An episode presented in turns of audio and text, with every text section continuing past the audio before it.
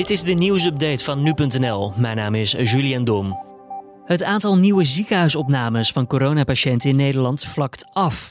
Ook het aantal nieuwe meldingen van overleden coronapatiënten is behoorlijk afgenomen, meldt het RIVM.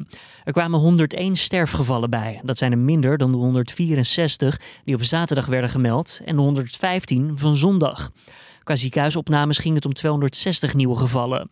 Dat zijn er iets meer dan op zondag, maar ten opzichte van de dagen daarvoor is er wel sprake van een afvlakking. Deze maandag is officieel de eerste warme dag van 2020. Rond 1 uur vanmiddag werd in de beeld een temperatuur van 20 graden gemeten. En om half drie vanmiddag steeg het kwik naar 21,5 graad. Nog nooit eerder werd er een warmere 6 april gemeten.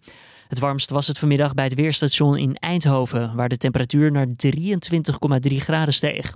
Het minst warm dat was het in Vlissingen. Daar bleef de temperatuur steken op 14,1 graden. Gerrit-Jan van D. die wordt verdacht van het jarenlang vasthouden van zes van zijn inmiddels volwassen kinderen in hun boerderij in Ruinerwold, weigert mee te werken aan neurologisch onderzoek. Dat blijkt maandag uit de tweede niet-inhoudelijke zitting in de zaak bij de rechtbank in Assen. De 67-jarige vader wordt vervolgd voor de vrijheidsberoving van de kinderen en seksueel misbruik. De man is nog altijd niet gehoord omdat hij als gevolg van een hersenbloeding in 2016 niet meer goed kan bewegen of praten. Hij weigert echter naar het ziekenhuis te gaan voor onderzoek. De Britse premier Boris Johnson blijft voorlopig in het ziekenhuis. Johnson, bij wie tien dagen geleden het coronavirus werd vastgesteld, moest daarheen voor enkele medische tests.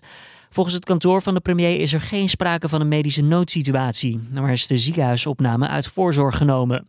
Johnson heeft namelijk na tien dagen nog altijd last van symptomen van COVID-19, de ziekte die wordt veroorzaakt door het coronavirus. Het UWV heeft maandag om half eens middags al 18.000 aanvragen ontvangen voor de tijdelijke noodmaatregel overbrugging ten behoeve van behoud van werkgelegenheid, oftewel de NOW. Werkgevers kunnen sinds maandagochtend 9 uur beroep doen op de regeling.